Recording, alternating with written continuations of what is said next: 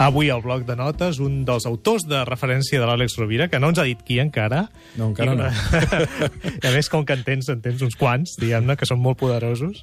A veure avui amb què et sorprens. Mira, si, si et sembla, farem, farem un petit joc d'endevinalles. Sé que és difícil, però eh, et llegiré, us llegiré una sèrie de breus aforismes d'aquest autor i a veure si podem descobrir qui és.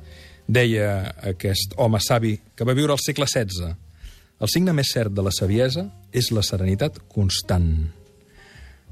La prova més clara de la saviesa, també va escriure, és una alegria contínua. Per tant, serenitat constant i alegria contínua. Fins i tot en el tron més alt, un seu sempre sobre les seves pròpies natges en relació al narcisisme i a la vanitat. Cent vegades al dia burlem els nostres propis defectes censurant-los en els altres. Dit d'una altra manera, com diria un altre savi, Baltasar Gracián, qui critica es confessa no hi ha cosa de la que tingui tanta por com de la por. I també va dir, va dir a mesura que l'home exterior es destrueix, l'home interior es renova.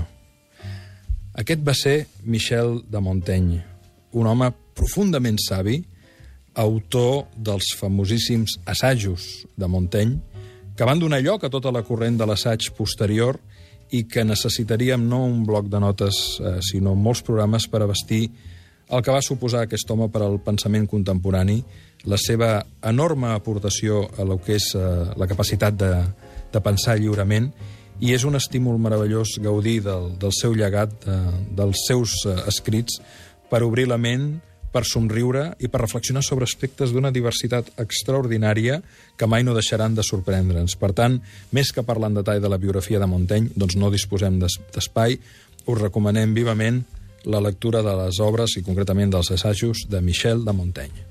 Àlex Rovira, moltes gràcies. Una abraçada. Una abraçada.